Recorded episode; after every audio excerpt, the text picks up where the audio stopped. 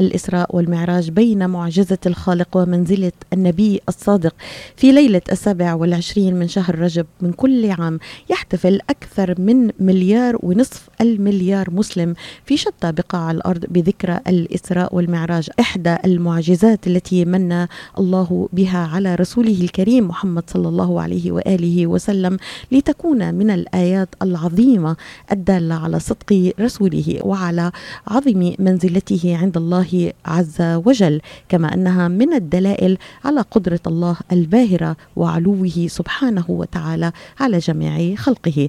الإسراء هي الرحلة الأرضية التي هيأها الله لرسوله من المسجد الحرام في مكة إلى المسجد الأقصى في المدينة بينما المعراج هو رحلة النبي محمد عليه الصلاة والسلام من الأرض إلى السماوات العلى التي فتحت له أبوابها حتى وصل إلى مستوى لم يصل إليه من قبل بشر إلى سدرة المنتهى حيث كلمه ربه سبحانه بما أراد وفرض عليه الصلوات الخمس من فوق سبع سماوات. حول ذكرى الإسراء والمعراج دلالاتها أهدافها الدروس المستفادة منها والرد على المشككين فيها ستكون حلقتنا اليوم مع فضيلة الدكتور الشيخ موفق الغلييني عضو اللجنة الدائمة للإفتاء بمجمع فقهاء الشريعة بأمريكا وإمام المركز الإسلامي بمدينة جراند بلانك بولاية ميشيغان. صباح النور فضيلة الشيخ ومرحبا بك معنا في هذا اليوم العظيم. صباح الخيرات واهلا وسهلا بكم.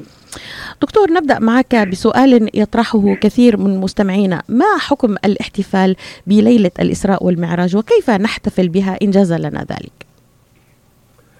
بسم الله والصلاة والسلام على رسول الله. الحقيقة الأمة الحية دائما تحتفل بذكرياتها المجيدة وتاريخها العظيم وخاصة تاريخ النبي صلى الله عليه وسلم. والاحتفال أنا أراه بأن يكون لا بالحلوى أو الشكليات وبالأناشيد وإنما بالتمعن والتفكر ودراسة العبر التي نستخلصها من هذه المعجزة الباهرة التي ثبتت بالقرآن والسنة. نعم.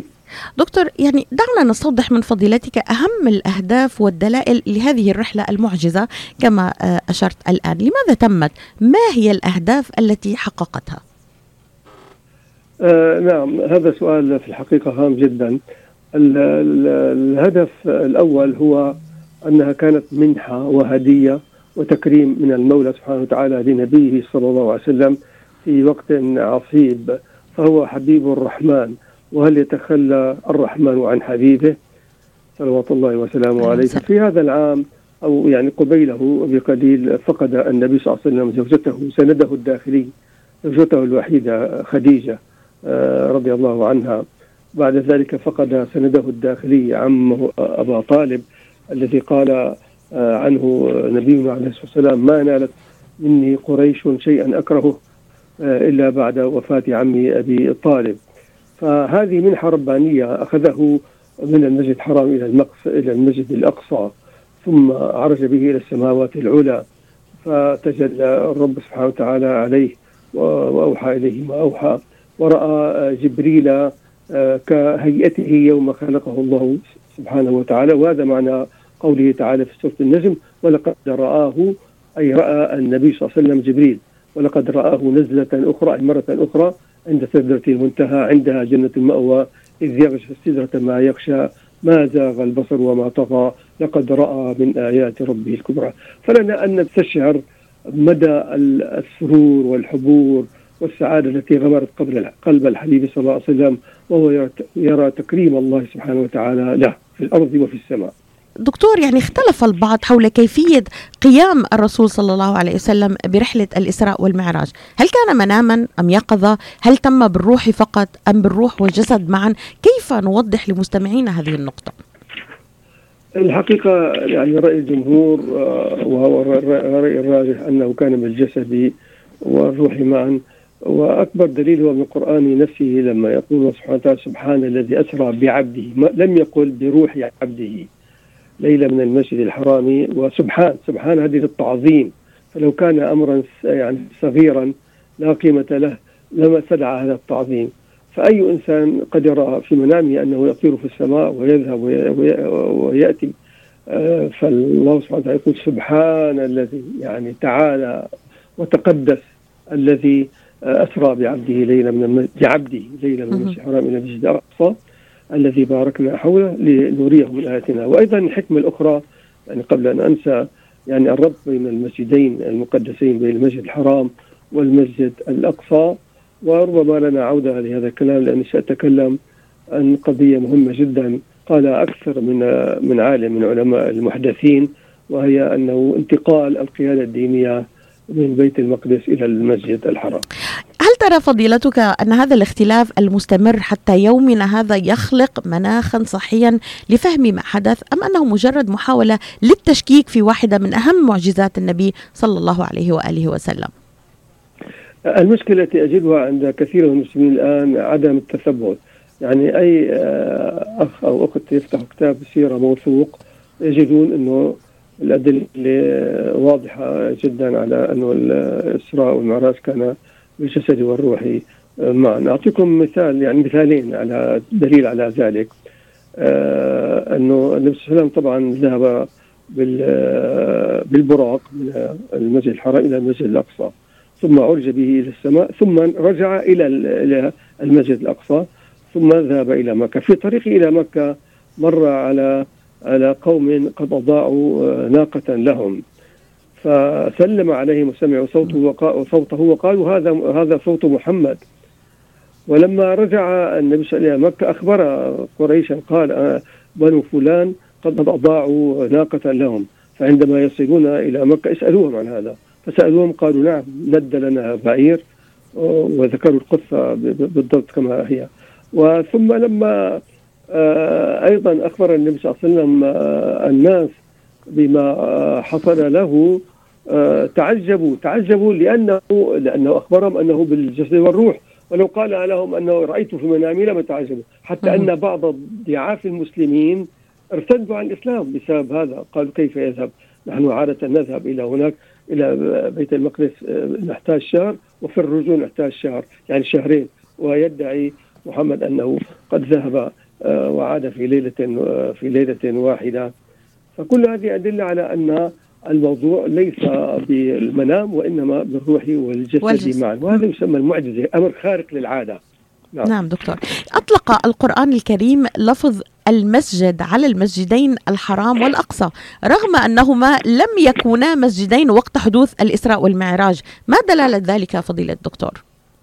هذا باعتبار الجانب التاريخي يعني آه، الله المولى سبحانه وتعالى يقول إن أول بيت وضع للناس أي لعبادة الله للذي ببكة مباركا وهدى للعالمين. ونفس الشيء آه، شيء نقول بيت المقدس. ولذلك لما هاجر المسلمون من مكة إلى المدينة أمرهم النبي صلى الله عليه وسلم أن يتوجهوا في صلاتهم إلى بيت المقدس.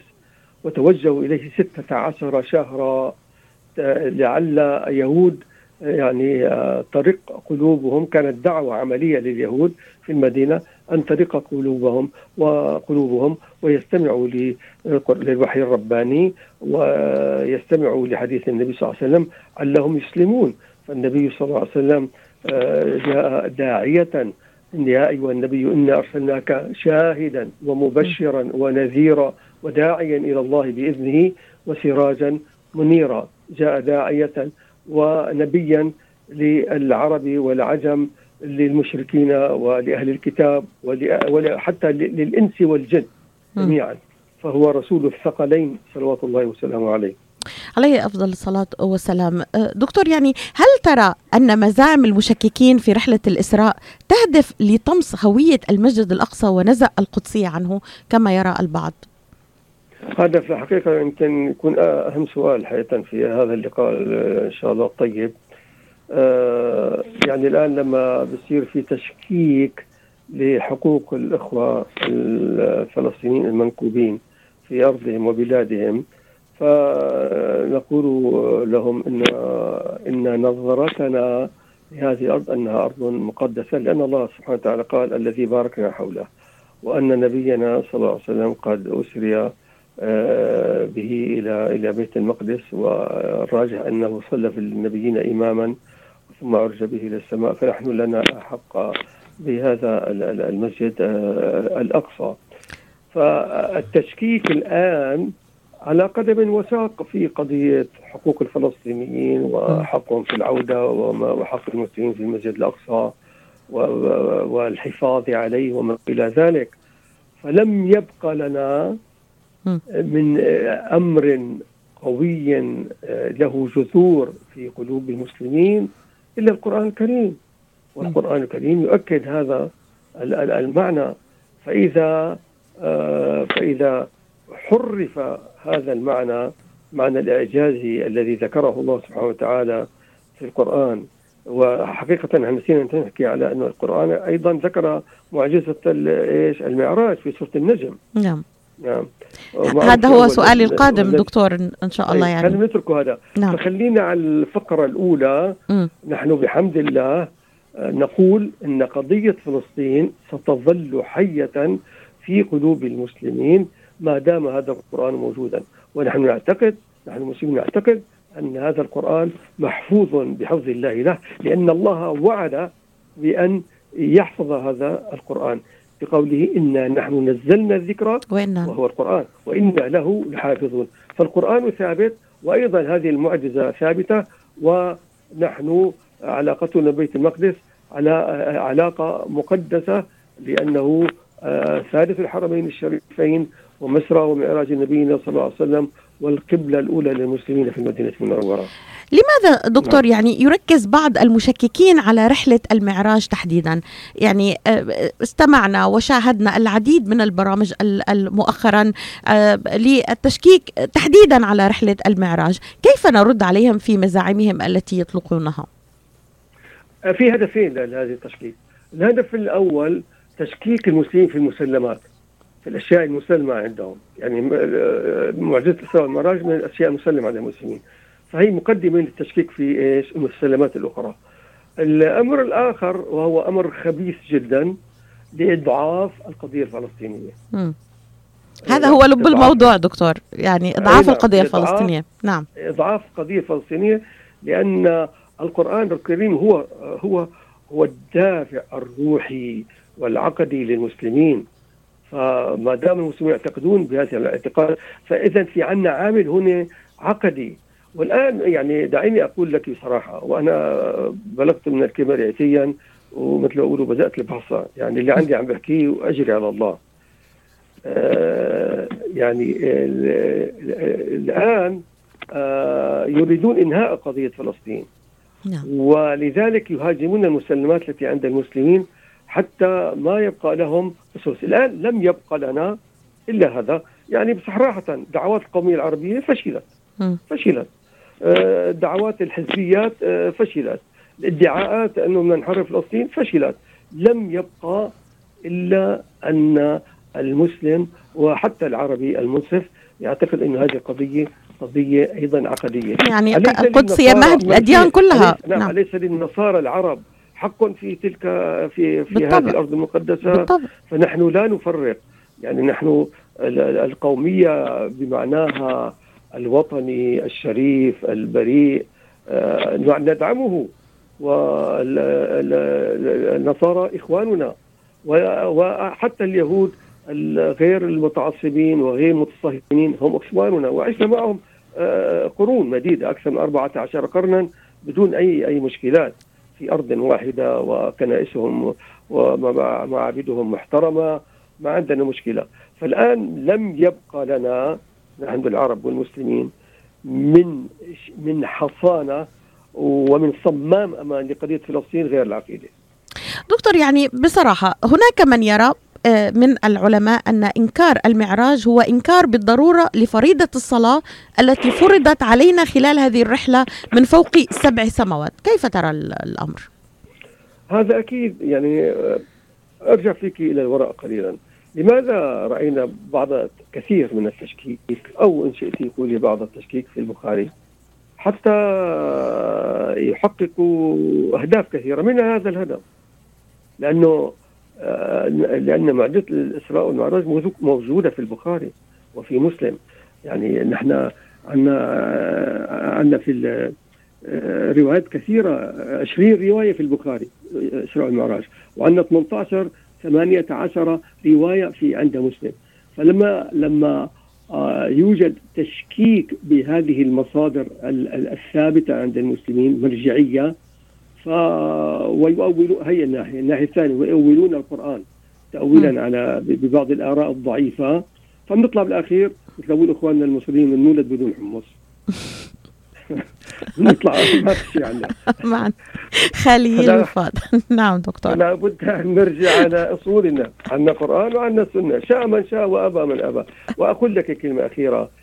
آه السنة محفوظة بحفظ الله. لها لماذا؟ قال أهل العلم ما لا يتم الواجب إلا به فهو واجب والسنة هي الشارحة للقرآن فلو ذهبت السنة لذهب شرح القرآن فما لا يتم الواجب إلا به فهو واجب. فالله قد تكفل أيضا بحفظ السن السنة النبوية وهي لها رجالا آه، أفذاذا عبر التاريخ حفظوها لنا والحمد لله رب العالمين.